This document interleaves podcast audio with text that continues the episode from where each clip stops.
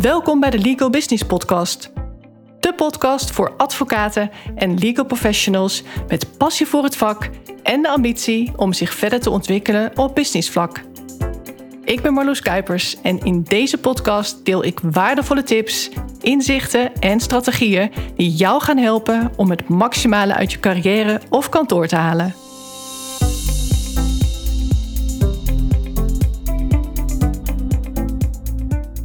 Welkom. Leuk dat je weer luistert naar een nieuwe podcastaflevering.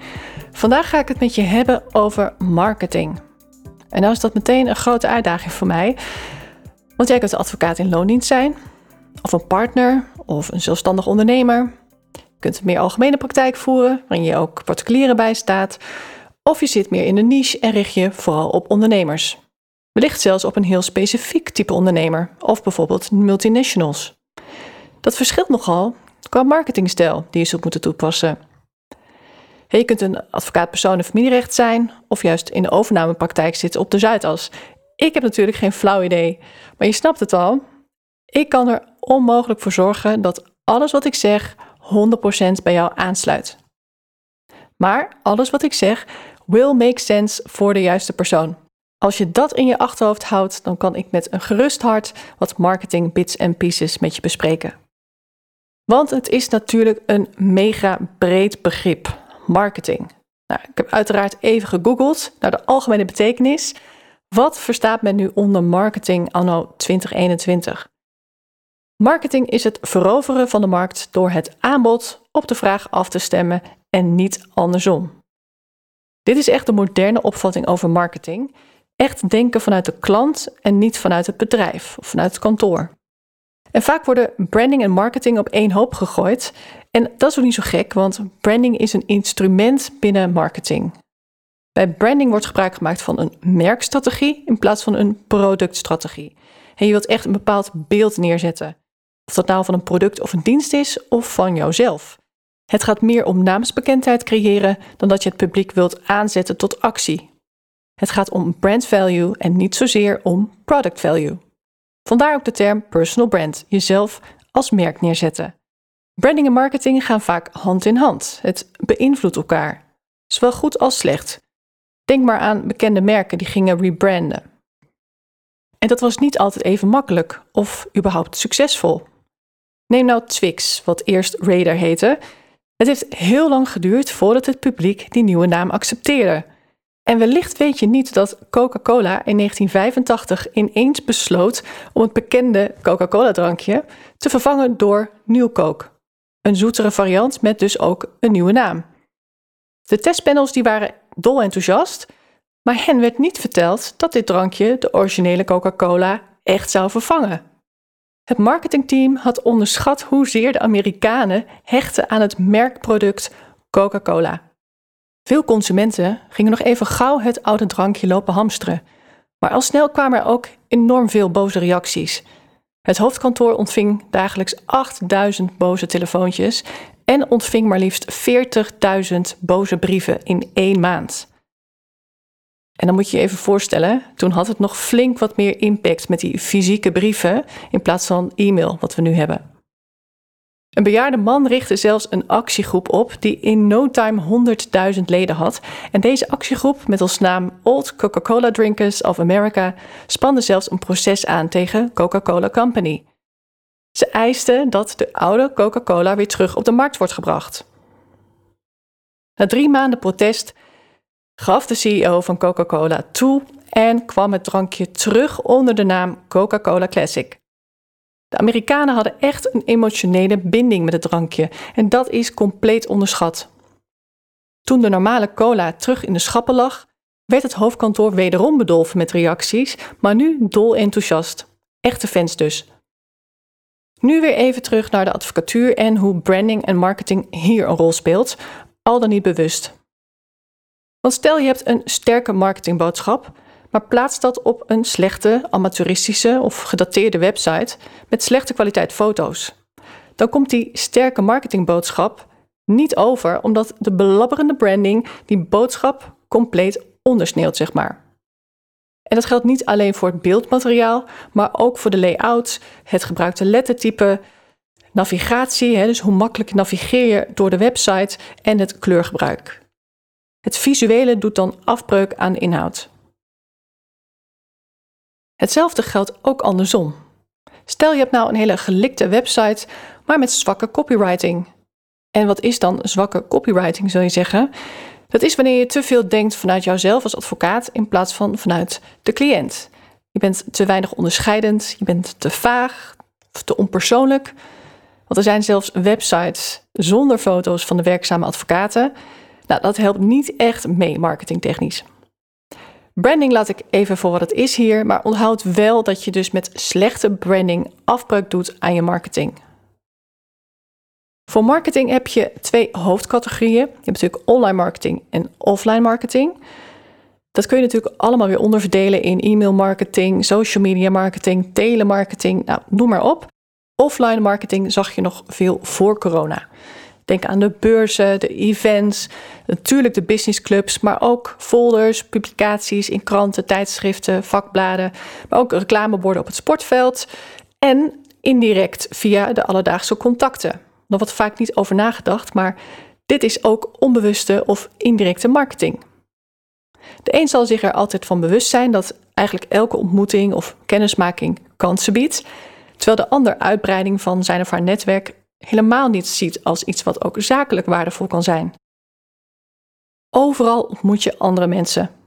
Op feestjes en partijen, langs de lijn bij het sportveld, in de lift of in het vliegtuig. En jouw antwoord op de vraag wat je doet in het dagelijks leven zorgt eigenlijk voor goede of slechte branding en marketing. Of je pakt een kans of je laat hem liggen. Er wordt vaak heel ingewikkeld gedaan over marketing, alsof het een keuze is en je er onderuit kan.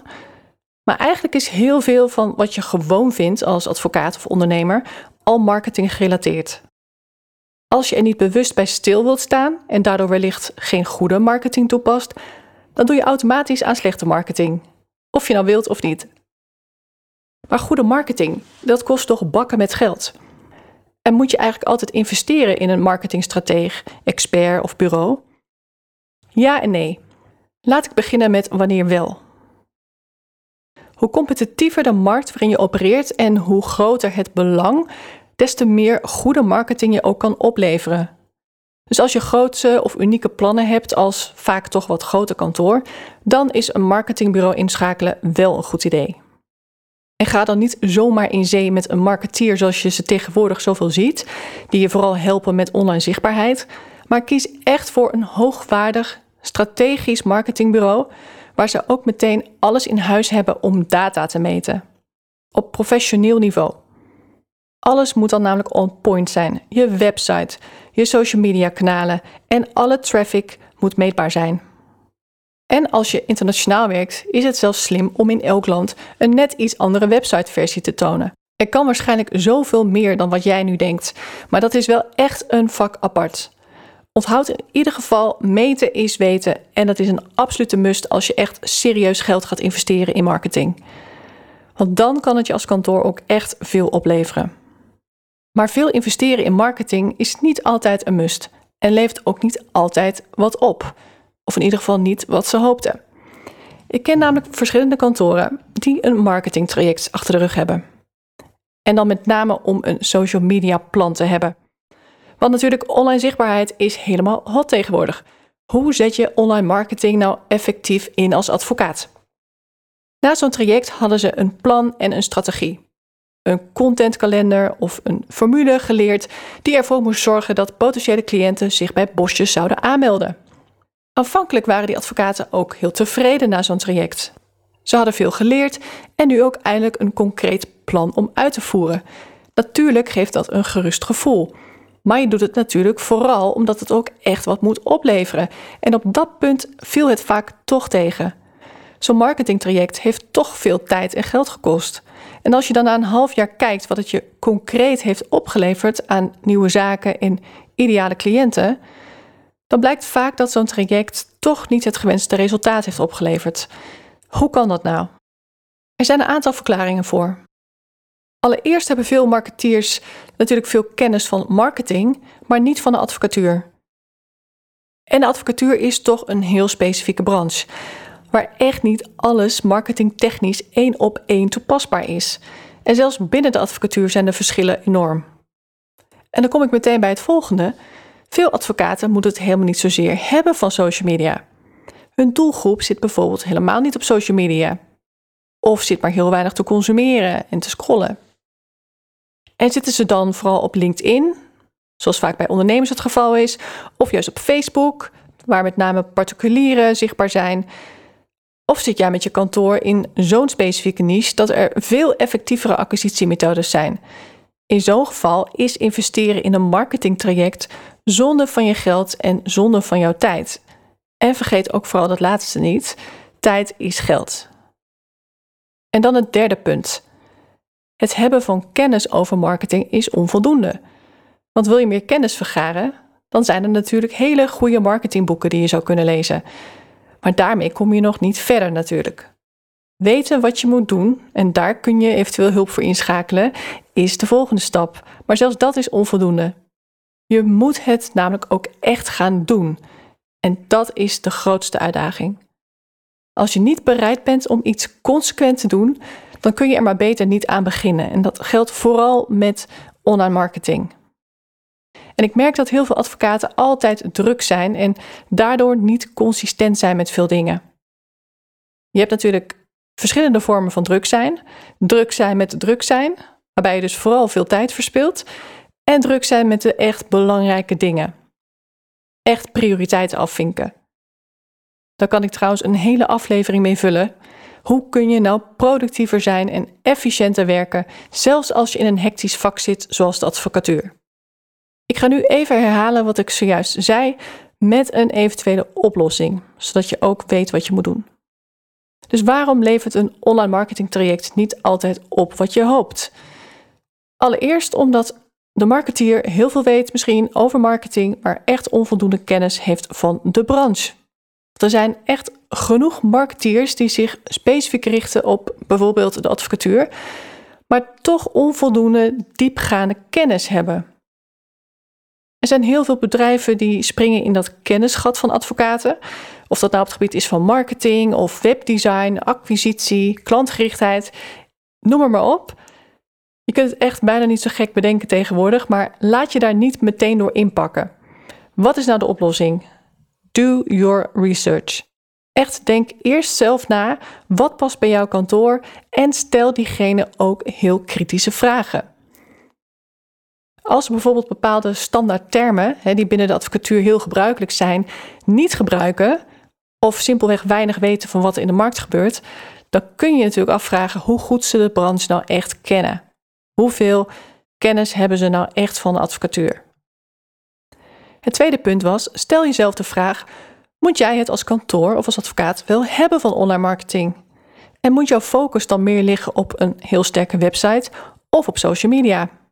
Of misschien wel allebei. Dus voordat je ergens echt induikt, omdat de concurrentie dat bijvoorbeeld doet, think again.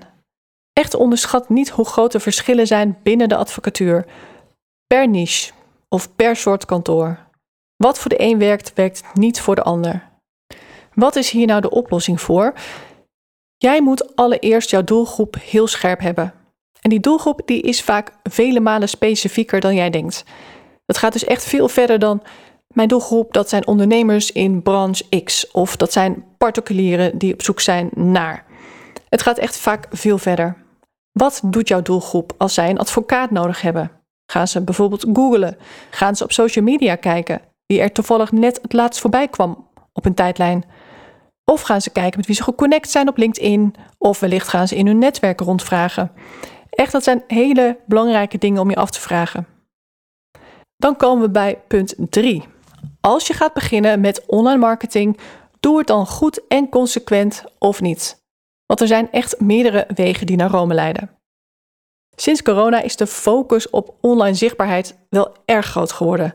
Dat is natuurlijk heel begrijpelijk, maar de allerbeste marketing die er bestaat is nog steeds mond-tot-mond reclame. Als jij een heel sterk netwerk hebt binnen de branche van jouw ideale cliënt, dat werkt dus het beste als je in een niche zit natuurlijk. Dan kan het goed zijn dat je hierdoor meer dan vol zit qua praktijk.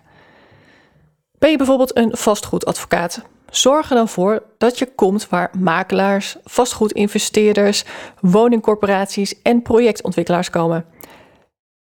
Zorg ervoor dat je bijvoorbeeld geregeld presentaties geeft en zo de expert wordt binnen die branche in jouw netwerk. Er zijn echt genoeg kantoren heel succesvol zonder bloggen, zonder posten en zonder een echte online marketingstrategie. Maar ik wil je nog wel even één ding op het hart drukken. En dat is dat een onprofessionele aanwezigheid op social media echt niet kan. Denk bijvoorbeeld aan een half ingevuld LinkedIn-profiel of een profiel wat niet up-to-date is. Die kom ik ook tegen. Dat doet echt afbreuk aan je expertstatus. Datzelfde geldt uiteraard ook voor het posten van dingen die buiten jouw vakgebied vallen. Nou is dat natuurlijk een grijs gebied, maar ik zie sommige advocaten zich uitlaten over dingen waarvan ik denk: doe het alsjeblieft niet.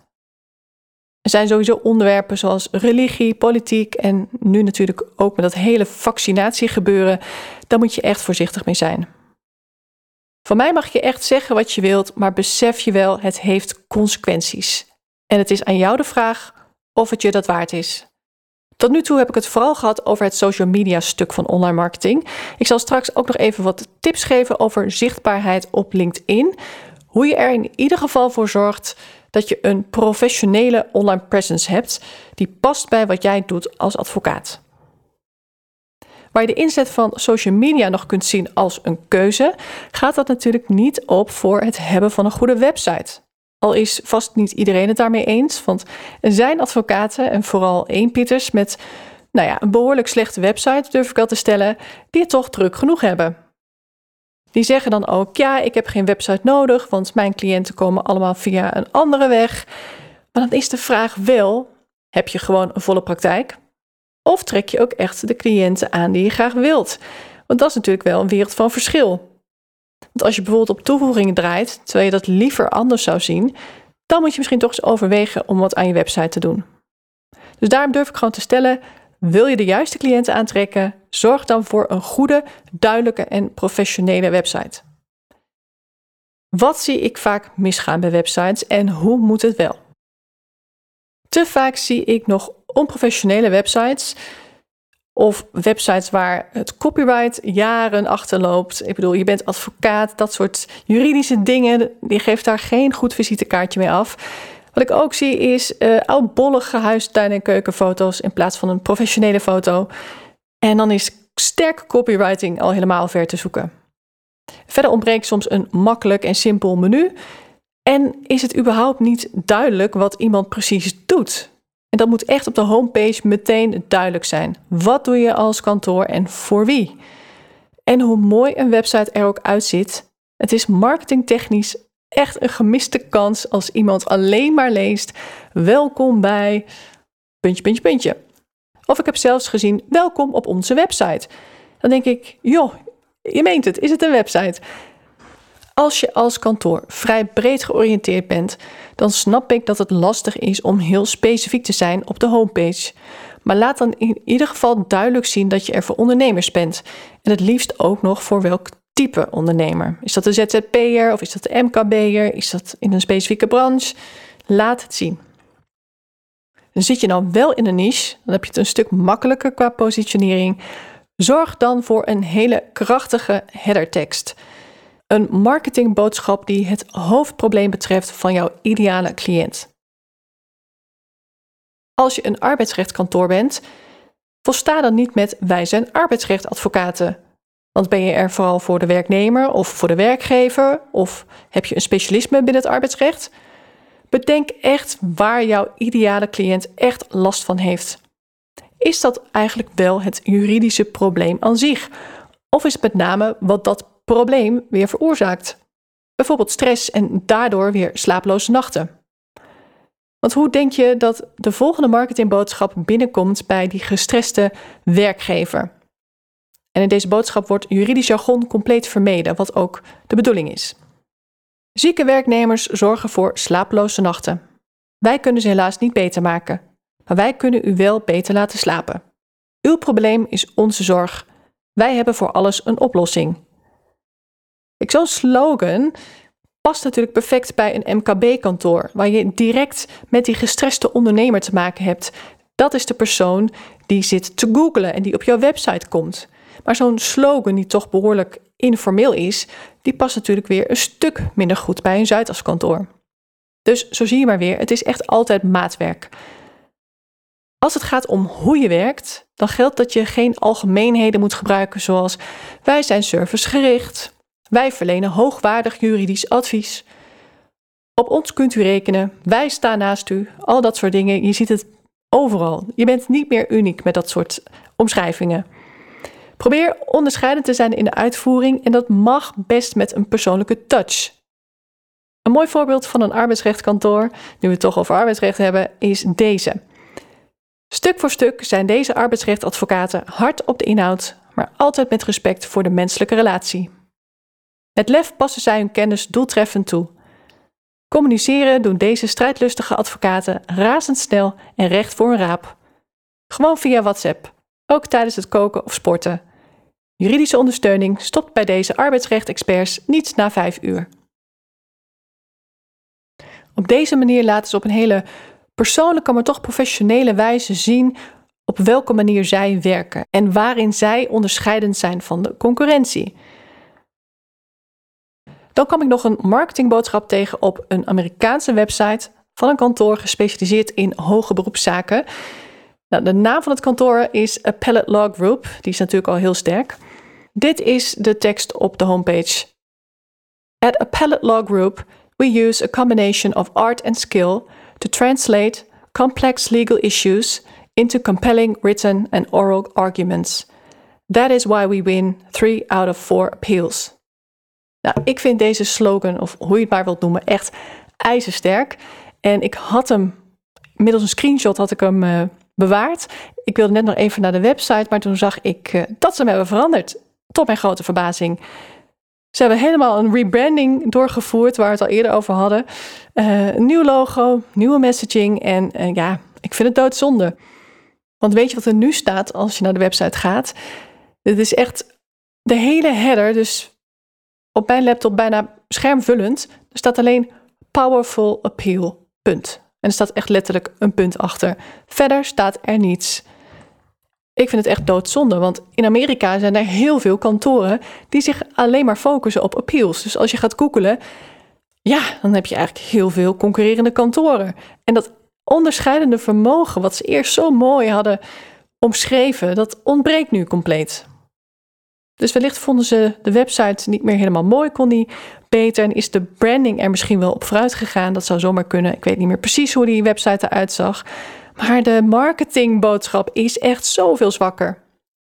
Nou, ik hoop in ieder geval dat deze voorbeelden je hebben geïnspireerd om na te denken over jouw eigen marketingboodschap. Wat doe je nou echt anders als kantoor en beter dan de concurrentie? Ga daar eens wat mee doen. Ga dat vertalen in een sterke en onderscheidende marketingboodschap. Ten slotte ga ik je, zoals gezegd, nog wat tips geven voor zichtbaarheid op LinkedIn. Als je dan toch zichtbaar bent, let dan op het volgende. Nummer 1. Zorg voor een professionele en relevante presence. Want waar soms wel eens gezegd wordt dat het voor jouw cliënten relevant is om te weten wat jij doet in jouw privé-tijd, ben ik een wat andere mening toegedaan. Dat hangt namelijk helemaal af van jouw beroep en wat bij jou past. Het is absoluut geen must. Doe het niet omdat je denkt dat het nodig is voor personal branding als advocaat. Want van een advocaat verwacht je eigenlijk niets anders dan een zakelijke professionele houding. Dat wil niet zeggen afstandelijk, want dat is natuurlijk heel wat anders. Het is belangrijk dat je makkelijk benaderbaar bent en laagdrempelig qua communicatie. Maar of jij nou van voetbal houdt of niet, of jij nou van strandvakanties houdt of stedentrips, honestly, who cares? Mij zou het in ieder geval echt niets uitmaken als ik een advocaat zoek. Dus wees ook kritisch met wat je toepast hè, van al die zogenaamde to-do's. De ene branche is de andere niet. En kijk ook binnen de advocatuur naar jouw eigen doelgroep en naar jouw niche. Want soms is ook als advocaat wat jij privé doet juist wel heel relevant. Want als je bijvoorbeeld gespecialiseerd bent in sportrecht, dan is het ineens wel relevant dat je in je vrije tijd ook scheidsrechter bent of voormalig topsporter bent. Snap je? Volgende tip. Zorg voor een representatieve high quality profielfoto waar je vriendelijk lachend op staat En vooral duidelijk. Echt een duidelijke portretfoto. En geen foto waar je ergens in de verte nauwelijks herkenbaar zichtbaar bent of waar je met anderen op staat. Dit klinkt logisch en een open deur, vind ik ook, maar je wilt niet weten hoeveel advocaten dit toch niet doen. Ik zie vakantiekiekjes als profielfoto of zelfs geen foto. Wellicht is die foto wel zichtbaar voor hun connecties, zou kunnen, maar dan denk ik, waarom zit je dan op social media? Ik zou zeggen om te connecten met je bestaande netwerk, tuurlijk, maar vooral ook om dit netwerk uit te breiden. En dus om zichtbaar te zijn voor mensen die jou nu nog niet kennen. En heel eerlijk, die haken niet aan op een platte tekst, maar echt op een persoon. Tip nummer 3. Vermeld je volledige naam. Ja, je zou het niet geloven, maar ik zie nog geregeld advocaten die iets raars doen met hun naam. En soms is het alleen de voornaam met de eerste letter van de achternaam. Of het begint met meester eerst. Het is allemaal verwarrend en het maakt dat je minder goed vindbaar bent. En wat is dan eigenlijk de reden waarom je dat doet? Waarschijnlijk om minder goed vindbaar te zijn. Of om op de een of andere manier toch anoniem te zijn. Maar ga dan van LinkedIn af, zou ik zeggen. Tip nummer 4. Vermeld concreet wat je doet. Echt veel advocaten beseffen zich niet hoe relevant die kopregel is. Advocaat rechtsgebied X, hè, advocaat arbeidsrecht, advocaat vastgoed. Dat is gewoon niet slim, dat is onvoldoende. En ik zie zelfs gewoon alleen de naam, dus zonder überhaupt een titel of alleen advocaat of advocaat bij kantoor X. Of op die plek beginnen met ik ben in 1997 afgestudeerd in Leiden, bla bla. Of ik ben sinds 2000 actief als advocaat op het gebied van. Dit is niet de plek voor een biografie. Nu komen we bij tip nummer 5, want dat is wel de plek voor een biografie, al wel. Het gaat om het infoblok. Vul dat in. Als je dat niet doet, mis je echt een kans om meer te vertellen over wat je doet, wie je kunt helpen en waarmee. Je kunt daar eventueel ook meer vertellen over hoe je werkt en waarin jij onderscheidend bent ten opzichte van andere advocaten. Als je relevante persoonlijke dingen wilt delen, dan is dit ook de plek waar dat kan. En heel belangrijk, eindig met hoe mensen contact met jou kunnen opnemen. En dan komen we vanzelf bij tip nummer 6 en dat is vermeld heel duidelijk hoe mensen jou kunnen bereiken. Dus vermeld je contactgegevens. En dat zie ik toch best vaak misgaan, ook bij professionals. En daarmee bedoel ik advocaten die bij echt gerenommeerde kantoren werken. Want je vergeet, mensen die op jouw profiel komen, zijn wellicht nog geen connecties van je. En die kunnen je ook niet zomaar een bericht sturen. Dus zorg ervoor dat heel duidelijk is hoe ze je kunnen bereiken. Als vanzelf komen we nu bij tip nummer 7 en dat is koppel je website. Met andere woorden, plaats een link hè, naar je website. Ik zie daar heel vaak nog een link staan naar de website van een vorige werkgever. En zelfs bij advocaat-ondernemers, dus met een eigen kantoor, staat daar soms nog de website van de vorige werkgever. Als je dit luistert en je hebt een eigen kantoor, Laat deze aflevering dan aanleiding zijn om binnen het team echt even allemaal je LinkedIn-profiel te checken op deze basics. Want, dat is natuurlijk meteen de volgende, tip nummer 8, is jouw profiel wel volledig en up-to-date? Zie LinkedIn ook als personal branding. Zelfs als het kantoor waar je nu werkt niets doet met social media. Niet alleen potentiële cliënten checken jouw LinkedIn-profiel, maar ook recruiters en toekomstige werkgevers. Zorg er dus voor dat jouw profiel in ieder geval up-to-date is, hoe inactief je verder ook bent. Tip nummer 9. Ook al ben je niet zo actief op LinkedIn, zorg ervoor dat bij de categorie uitgelicht tenminste één artikel van jou staat. Mensen die even snel op jouw profiel komen, die zien in ieder geval dat je actief bent. die gaan vaak niet helemaal scrollen wat je allemaal nog meer hebt gepubliceerd, maar die zien in ieder geval iets staan die denken, oh, dat is iemand die is actief. Als er maar één ding is wat je zou moeten onthouden van deze aflevering, dan is dat het volgende. Al gebruik je LinkedIn of eigenlijk welk social media platform dan ook niet actief, Zorg dan dat je een representatieve, professionele basis hebt staan. Een basis die de snelle check kan doorstaan van wie er dan ook op jouw profiel komt. Wil je trouwens weten waar je nu staat qua professionaliteitslevel volgens de standaards van LinkedIn? Check dan even jouw Social Selling Index, want dan kun je zien op welke punten jij nog kunt verbeteren. er is een website link, dat is www.linkedin.com/sales/ssi. Ik kan nog zoveel meer vertellen over marketing en over social media, maar dit waren even wat algemeenheden die ik met je wilde delen. Wat do's en don'ts om je even van bewust te zijn. Zaken die je in overweging moet nemen voordat je ergens aan begint, zoals een intensief marketingtraject. En ik hoop dat je nu echt beseft dat als je zichtbaar bent, het altijd gevolgen heeft voor jouw positionering als advocaat, positief of negatief. Omdat met online zichtbaarheid branding en marketing echt samenkomen. En last but not least, social media is niet alleen maar zenden, hè, maar echt connecten. Je zit niet op LinkedIn uit pure verveling, mag ik hopen. Je wilt dat mensen weten wat je doet in de hoop op meer business of op leuke kansen die zo op je pad kunnen komen, toch? Wat dan niet helpt, is terughoudend zijn als het gaat om het uitbreiden van je netwerk. En toch zijn veel advocaten daar nog erg terughoudend in. Ik hoor vaker dan eens: ik link eigenlijk alleen met mensen die ik al ken. Maar hoe zinvol is dat? Of beter gezegd, kan het niet nog zinvoller zijn om ook te connecten met mensen waar je mogelijk wat aan hebt.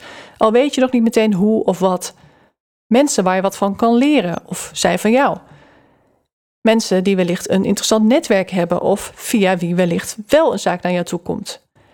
Er zo open instaan is onderdeel van die ondernemersmindset die je echt moet hebben als advocaat, wil je tenminste een succesvolle praktijk opbouwen. Echt openstaan voor kansen. En dat kan je nou gebeuren. Met rare profielen laat je niet in. Dat zou ik ook zeker niet adviseren. En probeert iemand je wat te verkopen en ben je niet geïnteresseerd, dan zeg je gewoon nee bedankt. Gaat iemand je vervolgens stolken of blijkt iemand gewoon een negatieveling te zijn met overduidelijk te veel vrije tijd, dan is diegene met één druk op de knop geblokkeerd. Opgelost. Maar stuurt iemand die je nog niet kent, maar die mogelijk wel interessant is, gewoon een leuk bericht mis dan vooral niet de kans die wel linken met die persoon je kan opleveren. Heb je nou concrete vragen, wat ik me kan voorstellen? Stel die dan gerust. Uiteraard kun je mij bereiken via mijn website en social media kanalen, want ik ben daar uiteraard ook te vinden. Trouwens zijn we al gelinkt. Nodig me vooral uit en stuur me dan meteen een bericht over wat je hebt opgestoken van deze aflevering. Dankjewel voor het luisteren. Mocht je deze podcast waardevol vinden, abonneer je dan of volg mijn podcast zodat je geen aflevering hoeft te missen. En deel hem ook vooral in je netwerk. Ook zou je mij een groot plezier doen met een 5-sterren review die je kunt achterlaten op iTunes. Niet alleen wordt de podcast dan beter gevonden, maar je helpt ook weer andere advocaten en juristen in hun reis naar succes en geluk. Uiteraard vind ik het leuk om te horen wat je meeneemt uit deze aflevering. Stuur me een bericht op LinkedIn of mail naar info.marloeskuipers.nl. Heb jij bepaalde ambities en wil je weten hoe ik jou zou kunnen helpen bij het verwezenlijken daarvan? Vraag dan een gratis meesterschapscall aan via mijn website. Ga naar www.marloeskuipers.nl. Alle informatie vind je ook in de show notes bij deze aflevering. Ik kijk er naar uit om van je te horen. Tot de volgende keer.